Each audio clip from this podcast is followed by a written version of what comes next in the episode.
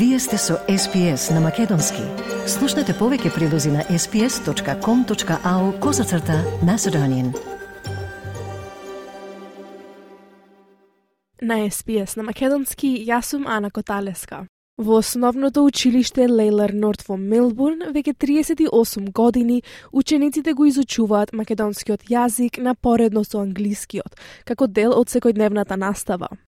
Како единствената ваква програма во Австралија, а може би и во светот, Лейла Норт на своите ученици се уште им ги нуди предностите што се составен дел од двојазичноста, меѓу другото и самото вербата, интелектуалниот развој и самосочувството со други, како што објаснува наставничката Миријана Андовска во разговорот со SPS радио.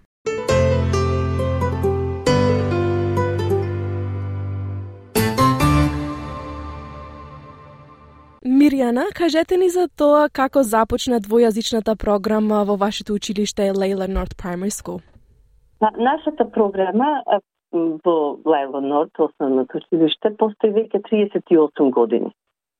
Пред тоа, мислам дека имало часови по македонски јазик само надвор од редовната настава. И за прв пат македонскиот јазик бил воведен во редовната настава во 1984 година. Тогаш започнале со само со една паралелка во прво оделение во која имало помалку од 10 ученици.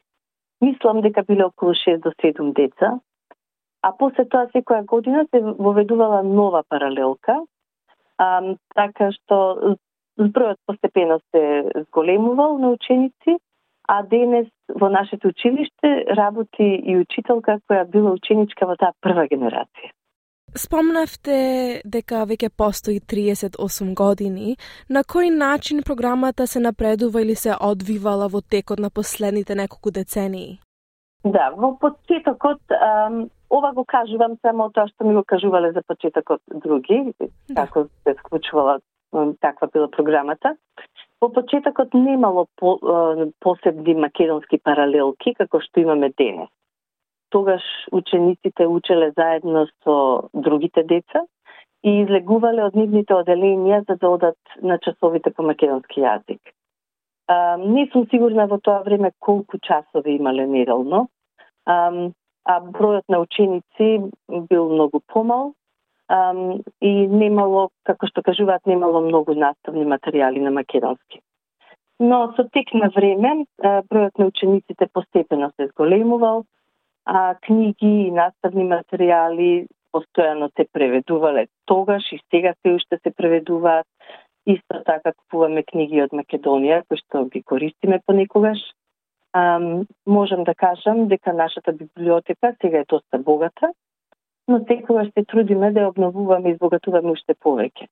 Инаку нашата двојазична програма а, е во согласност со Викториската наставна програма, и ние го следиме истиот курикулум како и сите други училишта.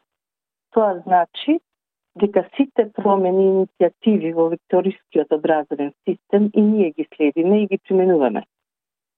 Ам, јас сум во училиште 25 години веќе и моето um, искуство како наставничка овде, во моето искуство имам видено доста промени но истовремено можам да кажам дека суштината на основните предмети, како на пример математика ам, или јазикот, не се менуваат многу.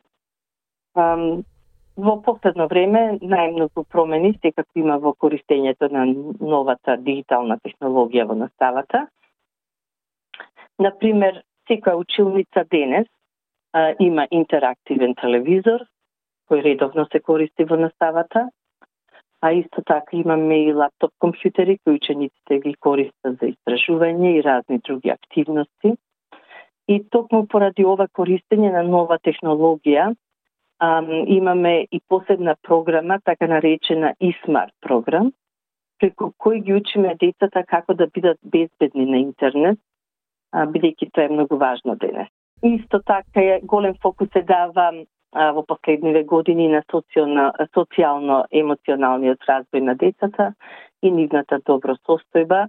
Имаме и за тоа специјални програми, како на пример програмата Отпорност права и почитување, на англиски се вика Resilience, Rights and Respectful Relationships, преку овие програми ги учиме децата како да се соочуваат со предизвици, да решаваат проблеми и да бараат помош кога им треба, како да соработуваат едни со други и да ги почитуваат другите, исто така да развијат поголема отпорност, што е многу важно за денешните деца.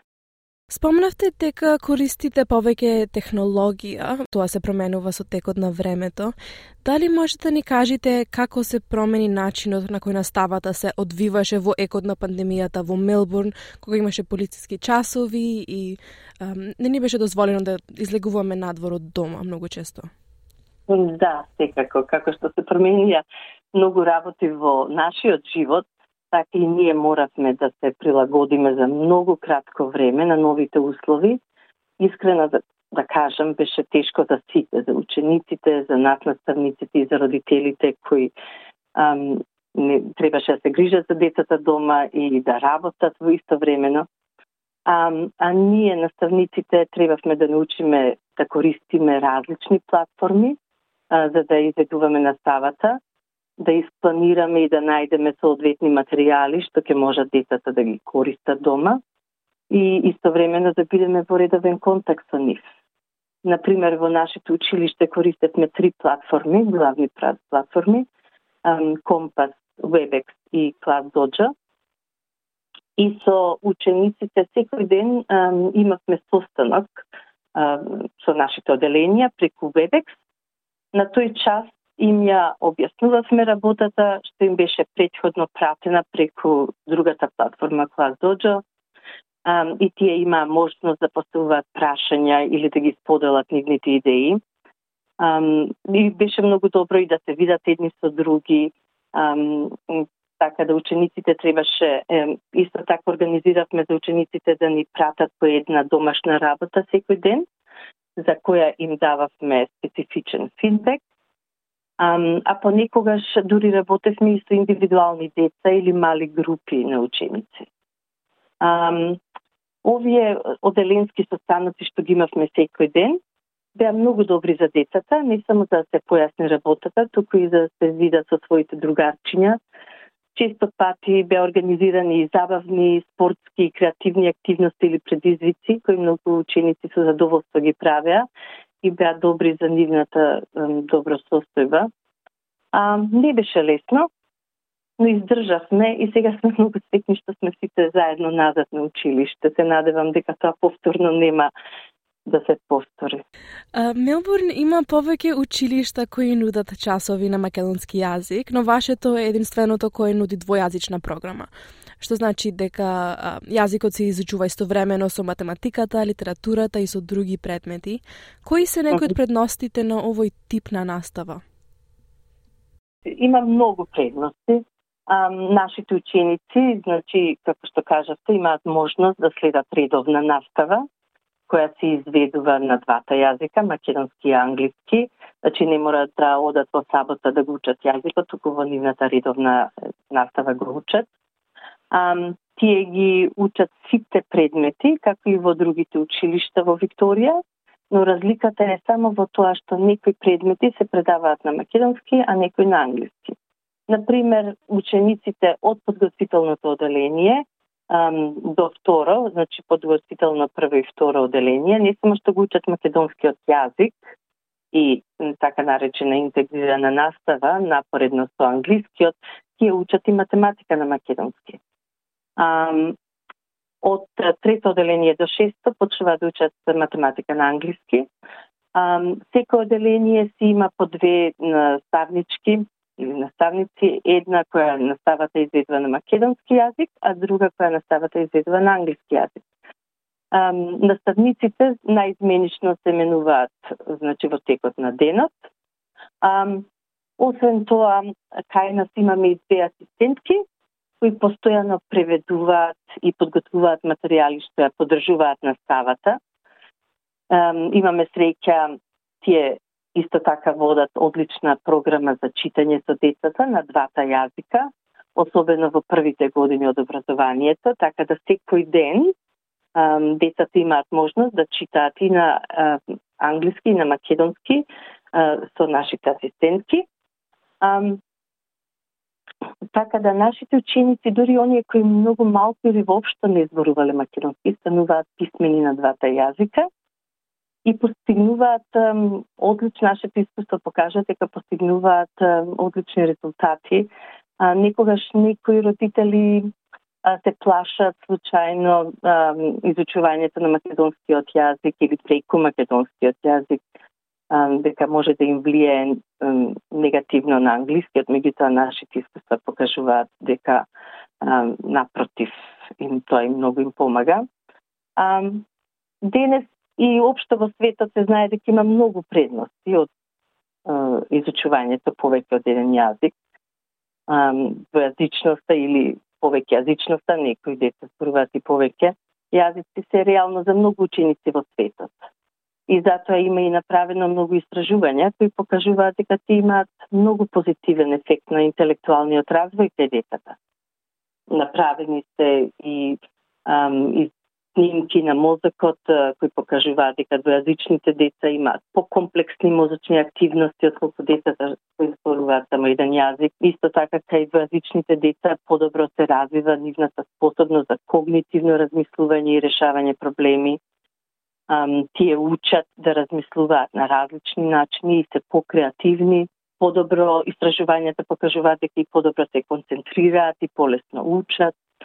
Um, а од друга страна и изучувањето на мејчиниот јазик, во како во нашиот случај, ја зголемува и самодовербата кај детата, што води и до одржување на својот идентитет и култура, кои што се многу важни аспекти од нашиот идентитет.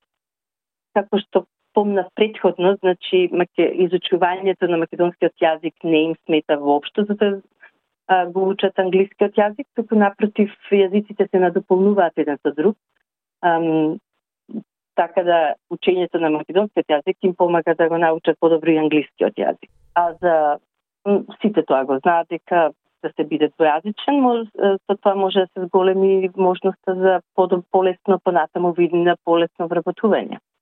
Така да има уште многу-многу предности за кои што можеме да зборуваме многу. Меѓутоа, тие се главните, да.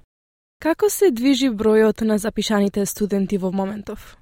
Како што кажав предходно, бројот на ученици во текот на времето, откако почнало, постепено се зголемувал ам, и се уште се зголемува, постепено расте. Јас ам, дојдов значи, во ово училиште пред 25 години и тогаш имаш околу 70 на ученици. Денес, со гордост можам да кажам, дека имаме 111 ученици. Um, и еве денес кога дојде и ново дете кој што ќе почне од понеделник во второ оделение, минатата недела друго дете се запиша um, во четврто оделение. Значи, постојано и доаѓаат дечиња, некогаш доаѓаат и од други училишта. Um, иако Значи, посебно не радува исто така што некои наши бивши ученици сега ги носат своите деца во нашето училиште.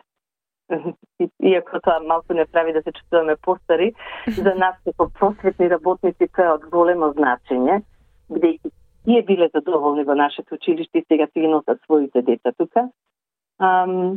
Така да, знам дека во многу училишта бројот на македонски ученици опаѓа, меѓутоа во нашиот случај сум многу радосна бидејќи расте. Um, и многу ученици uh, доаѓаат специјално во нашето училиште заради програмата и доаѓаат од подалеко од околните населби, патуваат значи малку подолго иако имаат училишта што се многу поблиску до нивното место на живење. Така да, сега за сега сме задоволни uh, како расте програмата и се надевам дека понатаму тој, тој тренд ќе продолжи.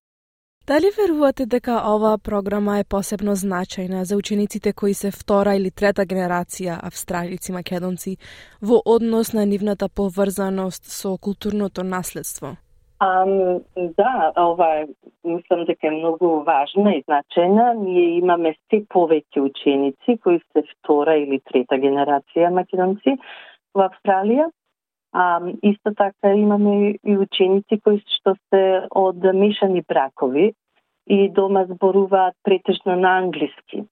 А, многу од нив зборуваат македонски само со нивните баби и дедовци, кои што исто играат многу важна улога да. во пренесувањето на јазикот и културата. Ам, имаме родители кои самите немале можност да учат на македонски кога тие биле ученици.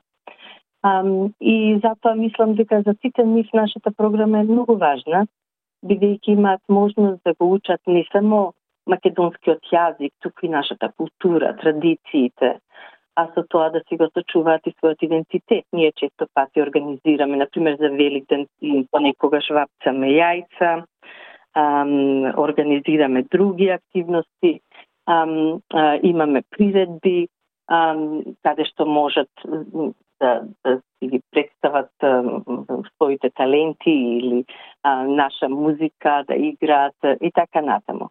Um, и можам да кажам дека нашите ученици се многу горди што го изучуваат македонскиот јазик um, и сме многу задоволни со нивниот напредок. Сигурно.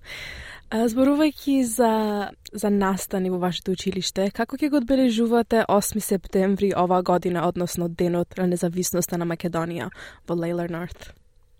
Да, сега сме баш во тек на подготовки за за, за нашата приредба, што ќе се одржи на 8 септември, токму баш на празникот, на Денот на независноста.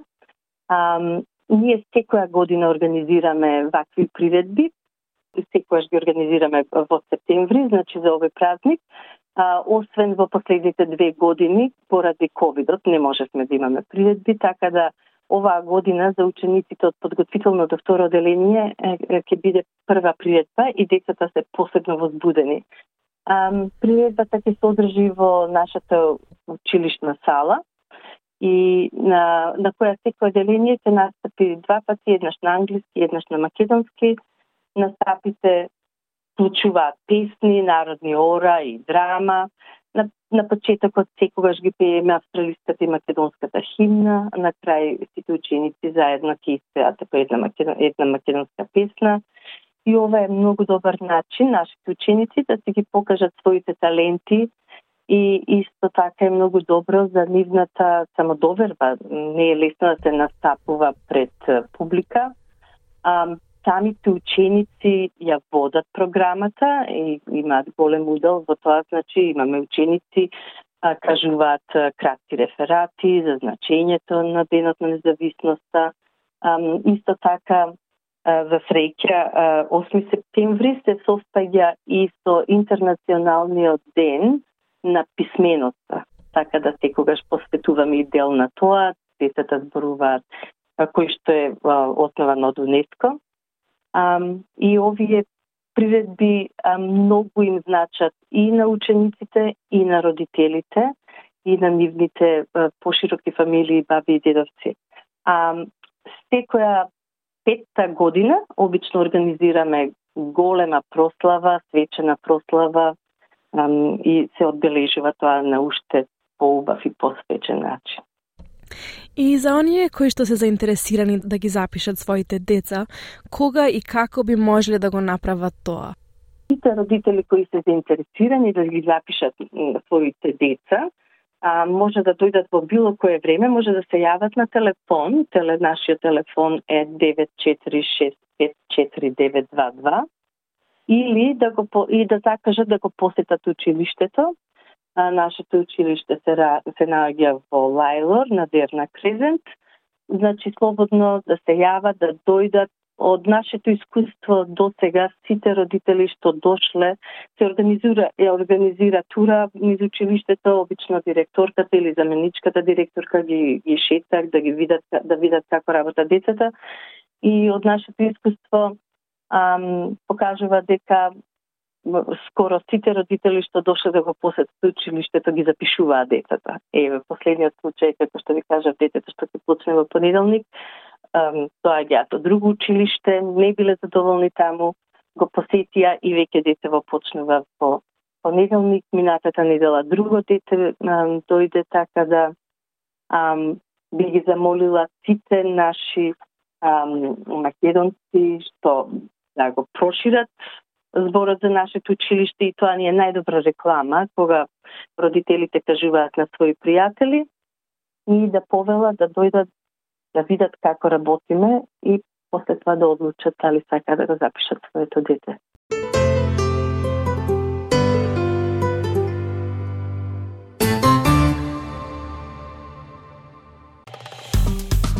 Стиснете, ми се допаѓа, споделете, коментирајте. Следете ја SPS на Македонски на Facebook.